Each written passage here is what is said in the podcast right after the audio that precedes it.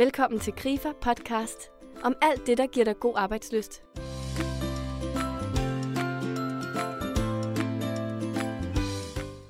Hvor glad er du for dit arbejde? Jeg har talt med Morten Resen, og han elsker sit arbejde.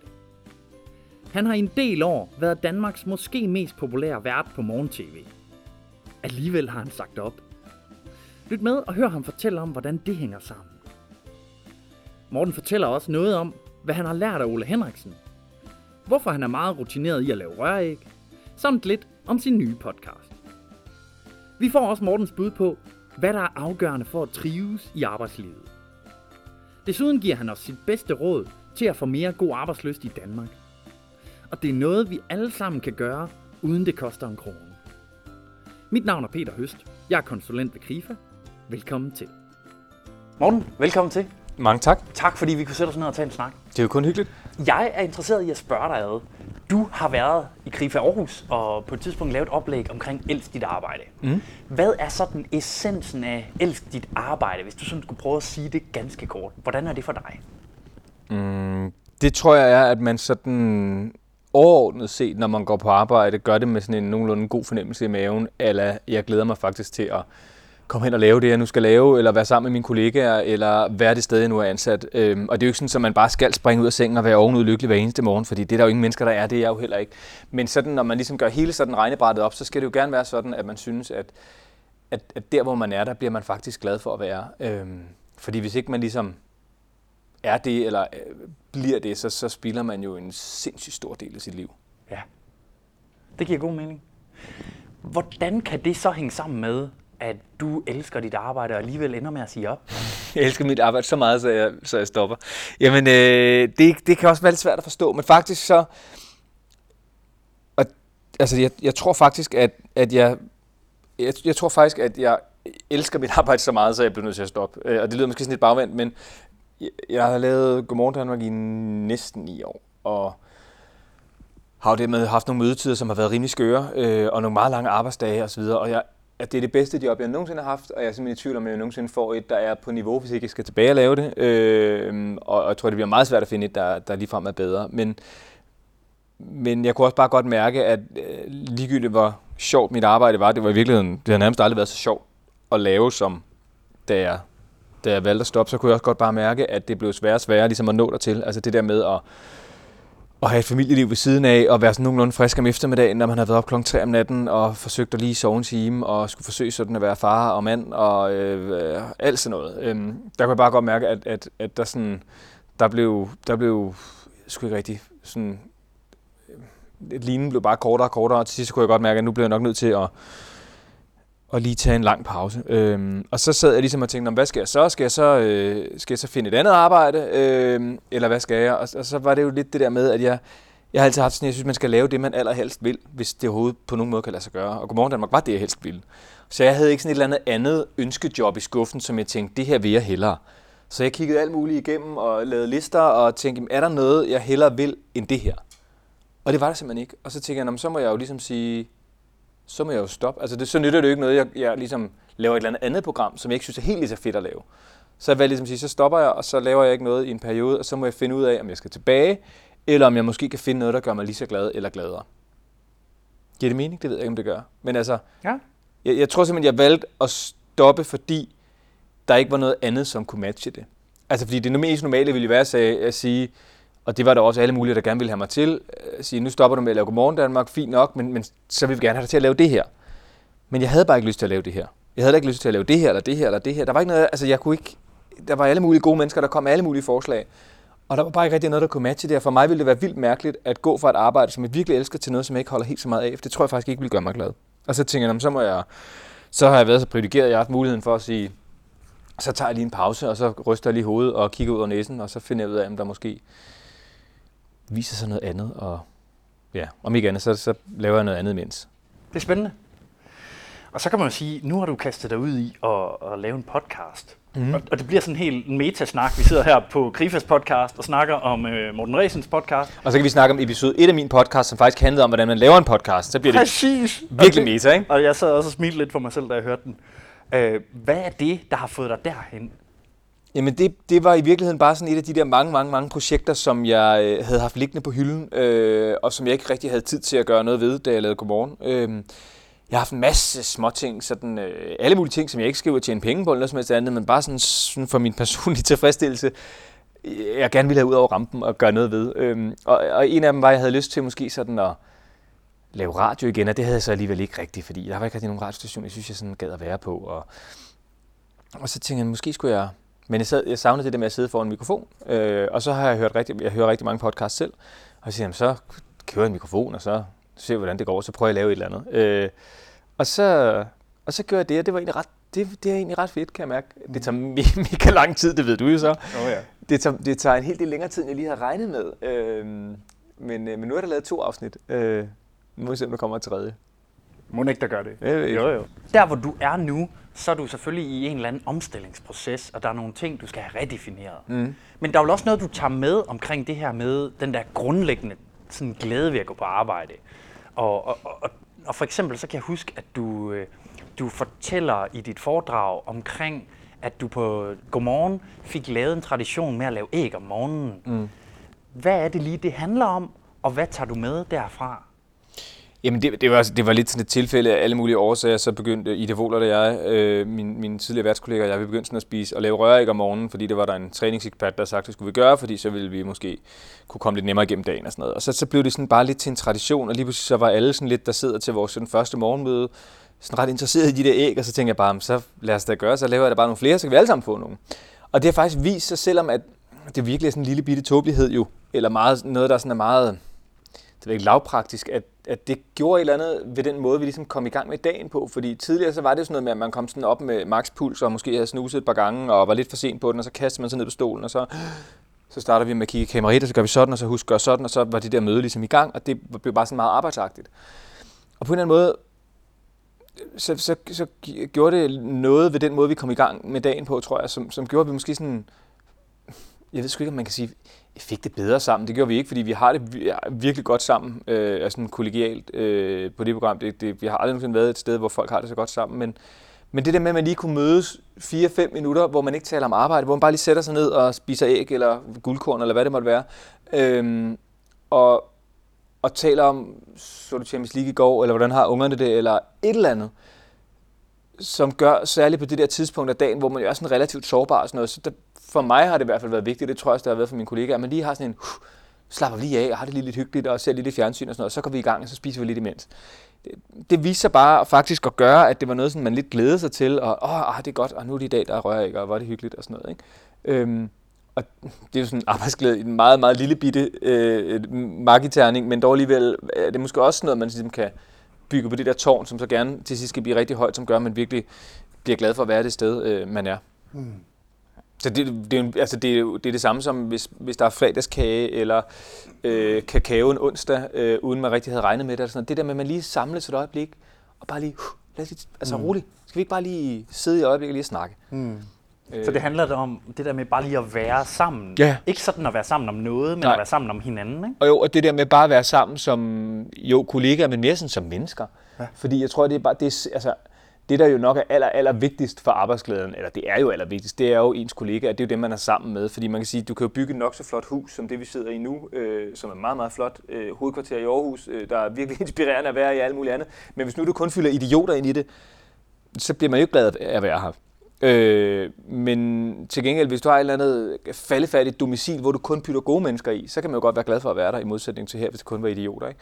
Så jeg tror det der med, at, at at ens kollegaer er sammensætning af dem, og måden man har det på sammen, øh, måden man roser hinanden på, måden man sådan værdsætter hinanden på, er jo det, der gør, om man bliver glad for at gå på arbejde eller ej. Mm. Du ved du selv det der med, altså det at have en god kollega på en arbejdsplads, som måske lige pludselig stopper, eller finder noget andet, eller et eller andet, ikke? Altså det, det kan jo næsten ødelægge alt. Det er lidt ligesom at have ens bedste ven i skolen, der stopper. Fordi det er jo måske ham eller hende, som gør, at man synes, ah, nu skal vi på arbejde sammen, udrette noget, have det sjovt sammen, grine sammen, hvad ved jeg, præstere sammen. Det, det kan jo være alle mulige forskellige ting, men det er bare sindssygt vigtigt.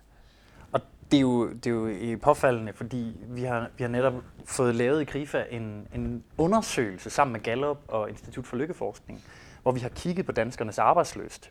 Og der er sådan nogle parametre, der øh, sådan rent videnskabeligt kan peges på, der betyder noget. Og der, der er kollegaer nemlig lige præcis en af dem. Og det er jeg glad for, fordi hvis nu du har sagt, ja. at det kollega betyder ingenting for folk, så er det Ja, sådan, lige ah, det. Der tager du helt fejl. Ja. Nej, det er en af de afgørende faktorer. Den væsentligste er, er, faktisk det med, at det giver mening. Mm. Altså, at der er mening i det, vi laver. Mm. Har du oplevet det med at tage på arbejde og så kunne genkende, det her, det giver mening? Hvordan har det set ud?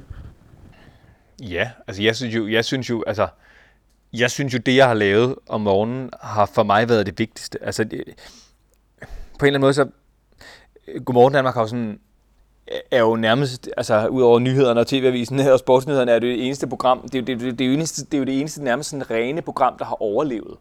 Altså år efter år efter år, og alle mulige konkurrenter, der prøver at starte noget op og sådan noget, så er det ligesom bare stadigvæk moderskibet øh, for fjernsyn om morgenen. Øh, men alligevel har det sådan et, måske sådan et ry blandt nogen sådan lidt øh, kultur, kulturtyper, som tænker, ah, men det er jo ikke rigtig fint, og det er jo bare en slud og sladder, og det er jo ikke bare, bare sådan lidt, nu siger jeg noget grimt, men luk røven. Øh, undskyld, og vi sidder i herrens hus næsten. Ikke? Øh, det, men men, men det, det kan simpelthen gøre mig så rasende, fordi for mig, når jeg laver det, for det første, så gør jeg mig umanerlig umage med det.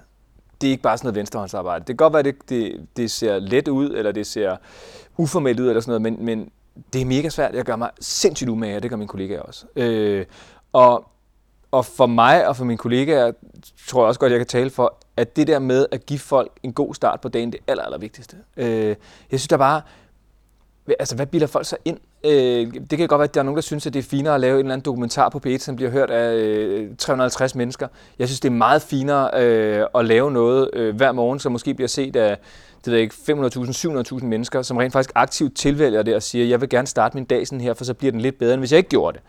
Det synes jeg, der er mega vigtigt, øh, og det giver mega mening. Det giver ikke lige så meget mening, eller så kan man sige, så nogle gange så tænker jeg også, sådan, hvis nu for eksempel jeg har været ude, i går var jeg ude og holde foredrag for eksempel for sundhedspersonale. Og, og der kan jeg jo godt sådan føle mig lidt underlegen, fordi jo jo, selvfølgelig synes jeg, at når jeg er i det, giver det mening, og det er det vigtigste i hele verden for mig, men, men der er jo ikke nogen, der dør, hvis jeg ikke gør det. Til gengæld, hvis det sundhedsfaglige personale, som jeg øh, var sammen med i går, hvis de ikke gør deres arbejde, så kan der være nogen, der dør. Så på den måde, så, og det giver jo virkelig mening, at de så er der, ikke? Øh, men, ja. Men omvendt, så kan man måske sige, at det hænger sammen, fordi hvis du via det, du har været med til at levere der, giver dem inspiration til at gå ud og redde menneskers liv, mm. så er der jo en kæde, hvor det hænger sammen. Ja, ja. Ja, ja, det er der selvfølgelig nok. Øh, men, men, men, men jeg, Men det, det er i hvert fald der, hvor jeg tænker, at vi, vi også nogle gange skal, skal huske, hvad er det for en rolle, jeg spiller. Mm. Fordi der er nogen, der er afhængige af det, jeg gør, der er nogen, der er afhængige af det, du gør, og sådan har vi alle sammen et sted. Mm. Og, og, og hvis vi kan lykkes med at finde den position og kunne se, hvad er det, der gør, at det, jeg gør, det giver mening, Ja. så er der i hvert fald noget, der, der kommer til at spille rigtig godt. Morten, jeg kunne også godt tænke mig at høre, øh, nu ved jeg også fra, fra dit øh, oplæg, at øh, der er et par mennesker, der sådan i særlig grad har inspireret dig. Mm. Øh, din efterhånden gode ven Jesper og, øh, og så Ole Henriksen. Kan du ikke bare prøve kort at præcisere, hvad er det, du har lært af de to personer? Jamen, de har på en eller anden måde hver især sådan en tilgang til livet, som jeg godt synes, man kan lade sig inspirere af, eller øh, bruge noget af, eller måske spejle sig lidt i en gang imellem. Altså Jesper for eksempel, ikke? Han, kan Jesper, du prøve at præsentere, Jo. hvem er det lige Jesper er? Jesper, han, øh, han er nu, øh, mens vi taler her, han er 18. Øh, han øh, har progeria, som er sådan en vild sjælden sygdom, som øh, gør, at ens krop den ældes 7-8 gange hurtigere end normalt. Det vil sige, at Jesper han er jo 18 år inde i hovedet, mens hans krop er måske 80 eller 90 år. Øh, og den, er, den sygdom er, er der måske, det ved jeg ikke, par 40 eller sådan noget, der har. Jeg ved ikke, der er nogle af dem, der er døde, så der er måske slut 30'erne, der har øh, på verdensplan. Og Jesper er så den eneste i Danmark. Og, og det, der er rigtig infant ved den sygdom, det er, at gennemsnitslevealderen for dem, der har den, er 13. Og Jesper han er så blevet 18, ikke? Så banker lige bordet. Mm. Øh, så på den måde er han et levende mirakel. Og han, er, han har jo alt imod sig. Altså han, hele livet er jo imod ham. Han kunne sætte sig og stige ind i en hvid væg og bare tænke, altså hvorfor mig? Øh, og hvor er det uretfærdigt, og, og, og nu, nu, bliver jeg sur resten af livet og, og slår hovedet ind i væggen, fordi jeg er så ulykkelig over det, der er sket, og jeg er født med den her åndssvage sygdom. Men af en eller anden grund, så, så er han bare, altså, han er bare altså, glad fra, at han står op om morgenen, til han går i seng om aftenen, i hvert fald, øh, når jeg er sammen med ham. Og, og, og det tror jeg, fordi han ligesom har valgt at sige, at der er noget her i livet, jeg kan gøre noget ved, og så er der noget, jeg ikke kan gøre noget ved. Det, jeg ikke kan gøre noget ved, som er min sygdom, men det kan jo lige så godt lade være med at bruge tid på, fordi jeg kan ikke gøre noget ved det alligevel, andet end jeg bliver i dårlig humør af det. Øh, så har han ligesom sagt, okay, nu fokuserer jeg på, at det er dårligt hver dag, eller min skolelærer skal ud, eller sådan noget, fordi det betyder, at jeg rent faktisk lever. Hurra for det, ikke? Og det tror jeg bare godt, man kan lære lidt af, når man står på arbejdspladsen og synes, at det hele er åndssvagt, eller chefen er en idiot, eller man står nede i kasse 3 ved Netto, og kasse 4 er lukket, eller hvad det måtte være. Og så bare sådan lidt, oh jo, men, men er, det, altså, er det nu så slemt? Altså, vi er bare sådan ret gode til at brokke os over alt muligt. Men når vi sådan kigger på de ting, vi brokker os over, hvad enten det er køen i Netto eller et eller andet på arbejde eller sådan noget, så tit så er det jo sådan nogle små ting, som men hvis man lige strammede ballerne på en eller anden måde kunne påvirke selv, i modsætning til Jesper, som ikke kan påvirke det, han ligesom er udsat for i livet. Og det, det synes jeg godt, man kan tænke lidt over og lære lidt af, og måske nogle gange også få lidt dårlig samvittighed af i forhold til, hvordan vi selv lever. Og så Ole, han er jo bare, øh, Ole Henriksen er jo bare, han har jo sådan en fuldkommen fantastisk evne til at få folk omkring sig til at føle sig elsket og set og værdsat, ikke? Og det er jo lige før, du ikke engang behøver at nævne, hvem han er. Der er jo nærmest ikke nogen i Danmark, der ikke ved, hvem han er. Nej, Men det- bare sådan for Nordens skyld, kan du ikke præsentere Ole Henriksen, hvem er han, hvad gør han? Jamen Ole, han er jo øh, øh, tidligere kendt som cremekongen og har et spar i Hollywood. Nu tror jeg, han har solgt sin cremeforretning far, og, og ligesom, jeg, jeg ved sgu ikke, han har i hvert fald solgt den til nogle andre, og de, jeg ved ikke, om han er direktør i det der foretagende, eller hvad han er. Og han har bare sådan en total smitten i livsglæde, på trods af, at han også har været igennem alle mulige, altså øh, virkelig, virkelig store livskriser, og er blevet troet med en pistol af sin ekskæreste, og alle mulige ting, som har gjort, at han er vokset op i Nibe, og skulle springe ud som homoseksuel, og alt, der bare er svært, ikke? Øh, men alligevel så, så, så har han sådan en effekt på andre mennesker, og det kan jeg jo bare se på Godmorgen Danmark, hvor at de kollegaer, jeg har og mig selv, er jo vant til at møde alle mulige. Altså enten det er George Michael, eller Take That, eller samtlige statsminister, eller hvem det er. Og folk er jo sådan lidt, det bliver jo bare et arbejde. På den måde bliver man jo lidt, ikke ligeglad, men, men det er øh, på mange måder jo bare et arbejde. Men når Ole kommer, så sker der bare et eller andet med folk, som gør, at man bliver sådan lige lidt mere alert, fordi man, på en eller anden måde vil man gerne sådan ligesom ses af ham, eller øh, bemærkes, eller sådan noget, fordi han er bare rigtig god til, ligegyldigt hvem han møder, og siger, ej, hvor ser du fantastisk ud, eller hvor skønt smil, eller hvad er det, et eller andet. Det er ligegyldigt, hvad det er, hvordan går det med ungerne. Og, altså, han, og, og det, det, synes jeg bare, det, det er ret sjovt, fordi i, i mit foredrag, når jeg, sådan, når jeg kommer til Ole, så, så, så lægger jeg op til ham ved ligesom at sige, at der er ligesom, vi er enormt dårlige til at rose hinanden i det her land. Der er dog en, som er ret god til det, og til at se det positive i andre mennesker, eller sådan et eller andet. Ikke? Og det er det, jeg siger. Jeg siger ikke engang, det er en han, og så siger stort set samtlige mennesker i publikum bare, det skete også i går. Aha, det er Ole Henriksen. Og jeg var sådan lidt, det bet- altså, så er der altså plads til forbedring. Ikke? Hvis, hver- hvis jeg bare siger, at der er et menneske her i landet, der er god til at rose andre, så betyder, og alle siger Ole, så betyder det, at vi ikke er særlig, altså, så er der ikke særlig mange at tage af, vel? Øh, det er jo ikke sådan, at vi siger, "Nå, er det Ole, er det det, er det Peter, er det Morten? Nej, det er det ikke. Alle siger bare, nå, det er Ole jo. Det er jo ham, det er jo, han er jo den eneste, der gør det. Og det, det er bare sådan lidt tankevækkende, at hey, måske skulle vi nogle gange møde verden sådan lidt med hovedet rejst, i stedet for at kigge ned i jorden og bare se sur ud for en sikkerheds skyld. Og det gør han. Og han gør virkelig sine omgi- omgivelser i godt humør. Morten, Ole Henriksen, Ja. hvad er det, du har lært af ham? Hvad er det, du tager med i forhold til, hvad der giver mening at arbejde med på sit, i sit arbejdsliv? Det, det tror jeg er sådan noget med at huske at værdsætte ens kollegaer, øh, huske at sige det højt, hvis man synes, at nogen gør det godt, og måske sådan i højere grad møde folk. Det er jo, altså, det er jo, det er jo virkelig sådan total banaliteter, men problemet er bare, at de, de der banaliteter, de, de forsvinder bare lidt tit i hverdagen. Det er jo sådan noget med at løfte hovedet og smile til dem, man møder, eller sige hej, når man går på arbejde, eller hvem man møder på gangen. Altså det, det, for mange er det sådan nogle små ting. Jeg var på et tidspunkt, øh, for ikke så lang tid siden, øh, var jeg på en arbejdsplads, som jeg nok skulle lade mig nævne, øh, hvem er. Men, øh, men vedkommende, der ligesom havde spurgt, om jeg ville komme, spurgte mig til sådan, om, om jeg ikke sådan kunne, bare på en eller anden måde kunne flette ud, ind i, eller om jeg ligesom på en eller anden måde bare kunne flette ind i foredraget, at, at det var ret fedt, hvis man ligesom som kollega hilste på hinanden. Altså, det, der var simpelthen, det, det, det var simpelthen en arbejdsplads, som sådan set var velfungerende nok og men der var simpelthen visse steder øh, på den arbejdsplads, hvor folk simpelthen ikke hilste på hinanden, hvor de ikke sagde hej om morgenen, de sagde ikke farvel, det de gik. Øh, så det er bare det med at sige, jo, det kan godt være, det er banaliteter, men, men der er simpelthen steder, hvor det bare er totalt en by i Rusland. Øh, og så er der altså lang vej hjem, ikke? Øh, men det er også bare dermed sagt, at det, er ret nemt så at justere på, og tit så tænker man jo sådan noget med, Nå, men hvis man skal, øh, skal have god arbejdsglæde, så er det altid noget, der koster nogle helt vildt dyre kurser, eller konsulenter, eller lange forløb på år og dag, og bare sådan et, nej, koster ingenting. Det er faktisk det, det nemmeste, og det, der batter allermest, det er gratis. Hvis du skaber en kultur på din arbejdsplads, hvor at det er ligesom kommet for at rose hinanden, hvis det ligesom er normalt at værdsætte, når nogen gør noget godt, også værdsætte ikke kun nedad fra chef til medarbejder, men også fra medarbejder til chef, fordi en medarbejder eller en, en chef har jo også tit brug for at vide lige så meget som en som medarbejder. Prøv her, du skal bare lige vide, det der du gjorde der var mega godt. Super sejt, du skal bare vide, at vi som medarbejdere er sindssygt glade for det.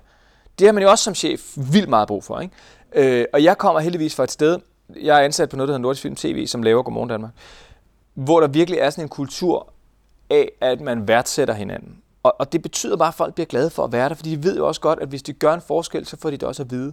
Vi har for eksempel på Godmorgen har vi en lille, tåbelig McDonald's-agtig pris, som alle grinede lidt af i starten, men som har vist sig at betyde vildt meget, som er den klassiske månedens medarbejder. Men det gode ved den pris er, udover at det er en virkelig billig ramme fra IKEA, et diplom, og så er det sådan en halvdårlig flaske bobler, der koster, det ved jeg ikke, 49 kroner, men det er fuldkommen ligegyldigt. Det er slet ikke det, det handler om. Det er bare, at med den pris bliver der ligesom værdsat nogle mennesker, som måske ikke bliver værdsat i det daglige, fordi sådan en som mig for eksempel, som jo er vært, og jo altid får at vide, hvis der er, så er det jo altid, du ved, om, så er det altid værterne, der har gjort det godt, eller så er det også, åh, så er der ros for den af den seer, eller hvad det måtte være. Men der er jo ikke nogen seer, som lige ringer ind og siger, ham runneren der, øh, Thomas var en super fed til at, øh, hvad ved jeg, øh, tage sig af gæsterne, eller lave morgenmad, eller flytte møblerne på en særlig tid. Og derfor så den der pris, den må ikke gå til sådan nogen som mig. Den skal ligesom gå til alle mulige andre, som måske ikke i dagligdagen lige bliver set, bliver værdsat. Og det er jo sådan noget, når folk, altså så, så bliver den uddelt en gang om måneden, og så kan man som medarbejder, så kommer der en mail fra øh, nogle ledertyper, og skriver, hey, øh, skriv lige, hvem der har gjort det særlig godt i den her måned, og så indstiller medarbejderne det. Og det gør det jo bare endnu finere, og så beslutter ledelsen ligesom siger, at det er så den, der skal have den den her gang. Ikke? Og så samles man alle sammen lige, det tager fem minutter, øh, og den, der får den, ved det selvfølgelig ikke. Øh, og det er jo tit sådan, at folk det får tårer i øjnene, og bliver vildt rørt, og holder en lille takketale, og jeg skal nok prøve, og jeg gør det alt, hvad jeg der. Og det er bare sådan den der, det koster ingenting. Og folk tænker, ah, det er også vildt, at ja, det og McDonald's og øh, fake. Og bare sådan, ja, det er godt, hvad du synes det. Det betyder bare virkelig meget for folk. Fordi det der med at blive værdsat og blive set, det betyder sgu noget helt tilbage til med Ole, og han møder en eller anden og siger, hvor ser du dejlig ud. Altså, det, man bliver set, man bliver hørt, man bliver, det man gør er ikke ligegyldigt. Og man ved det også godt selv, det der med, hvis man har gjort en eller anden, hvis man har gjort et eller andet på arbejdet, et eller andet, som man selv synes har gjort en forskel. Hvis der er ingen, der nævner det, hvis der er ingen, der bemærker det, værdsætter det, så gider man jo ikke gøre det igen næste gang. For sådan er vi jo også indrettet det der med, hvis der ikke er nogen, der siger det, så er det nok, fordi alt er noget lort. Men det er jo ikke sikkert, det er sådan. I virkeligheden skal man måske mere sådan tænke sådan, at, at, at hvis ikke der er nogen, der siger noget, så er det vildt godt. Det er kun ved altså folk skal nok skabe sig, hvis de synes, det er dårligt. Måske skal vi bare huske også at sige det højt, når det er godt. Og ikke kun være tavse. Og det er måske særligt sådan nogle mandevirksomheder, at man virkelig dårlig til det. Ikke?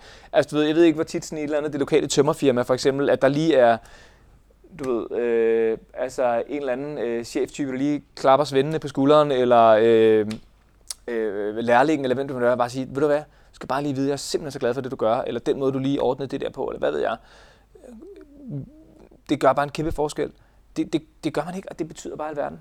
Tænker du, der er en sådan særlig forskel kønnene imellem? At det, at det er noget, som vi som mænd som udgangspunkt øh, har sværere ved. Ja, altså, og jeg kommer også tit, det, det er jo tit, mænd er jo sådan lidt dem, der sådan lidt sådan sidder med korslagte arme. Vi er jo sådan nogle, der lidt, nogle har sådan lidt lukkede ansigter, og det kan jeg også se nogle gange, hvis jeg er ude og holde for så kan det, så, måske hvis der sidder en eller anden, et eller andet sted lige i begyndelsen der, og lige tænker, hvad er det for, nu skal han ikke komme, du, så sidder der jo altid en eller anden skjortetype med, med, med korslagte arme, og bare ser ud som om hele verden er imod ham, ikke? Øh, hvor man måske bare kunne gøre det modsatte, gå ind i det med åbent sind. Øh, tit så, så ender de så med rent faktisk at sådan, uh, lige løsne håret og sige, at okay, ja, det var faktisk, det var måske faktisk okay, der var måske nogle pointer, man kunne bruge her.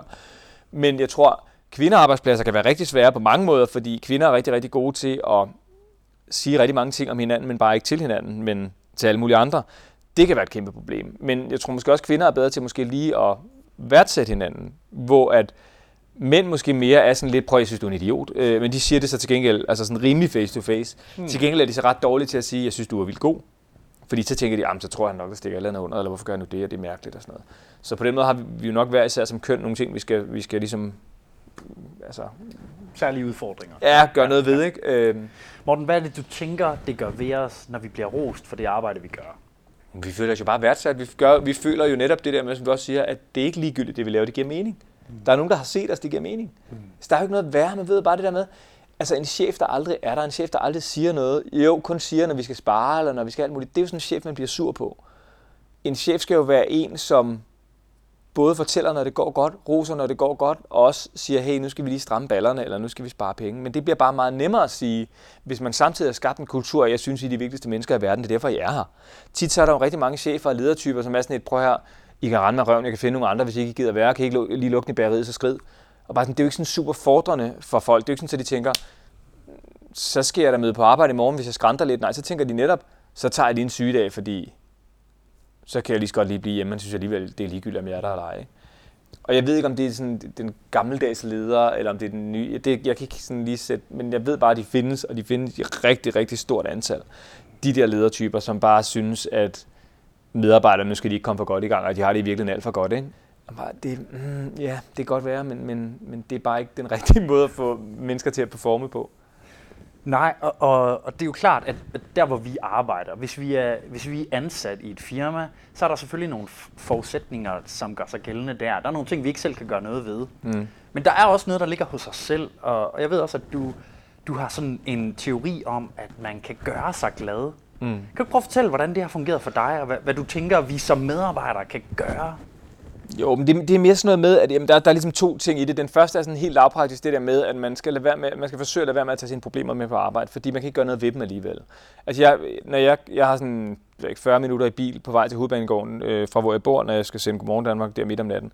Og den bruger jeg sådan til, hvis jeg ikke er i spralds godt humør, det er jeg virkelig ikke. Det er der, det er der tit, jeg ikke er, fordi det er tidlig om morgenen og alt muligt andet, men så er det ligesom at sige, de der ting, jeg, der måske gør mig i dårlig humør, jeg bliver nødt til at lægge ned i en eller anden kasse med låg på, og så først åbne låget igen, når jeg er færdig med at arbejde. For jeg kan ikke, hvis jeg har de der problemer med på arbejde, jeg kan ikke løse dem på arbejde. Så det eneste, der sker, hvis jeg tager dem med, det er, at jeg bliver endnu dårlig humør. Jeg gør måske endda også mine kollegaer i dårlig humør.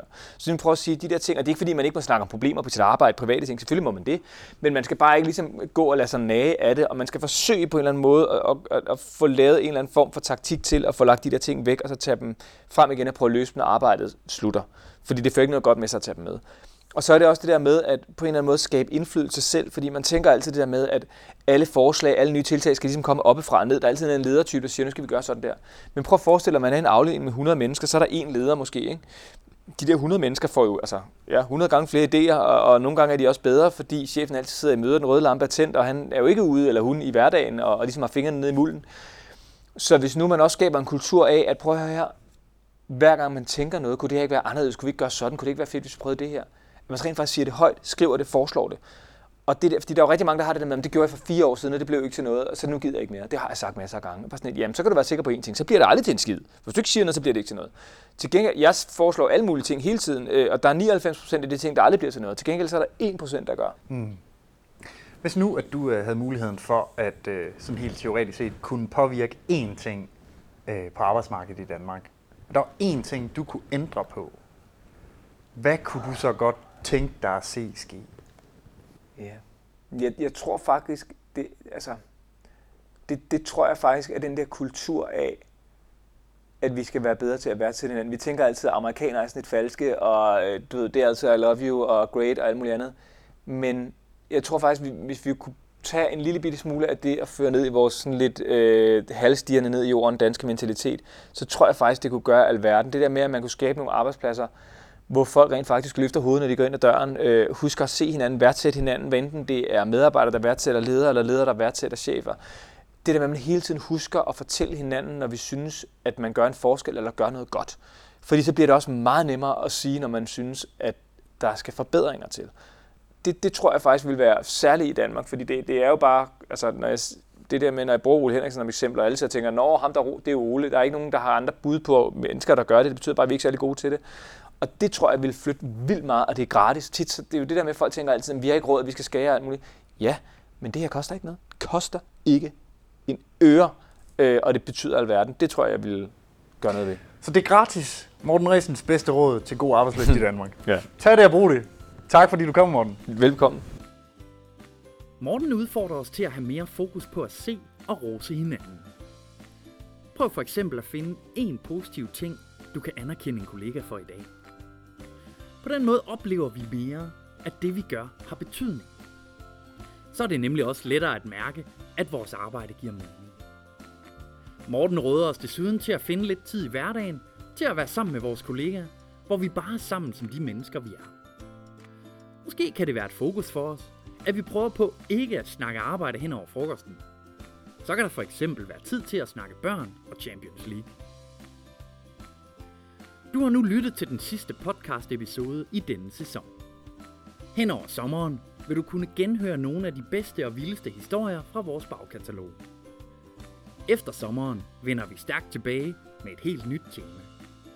God arbejdsløst og rigtig god sommer.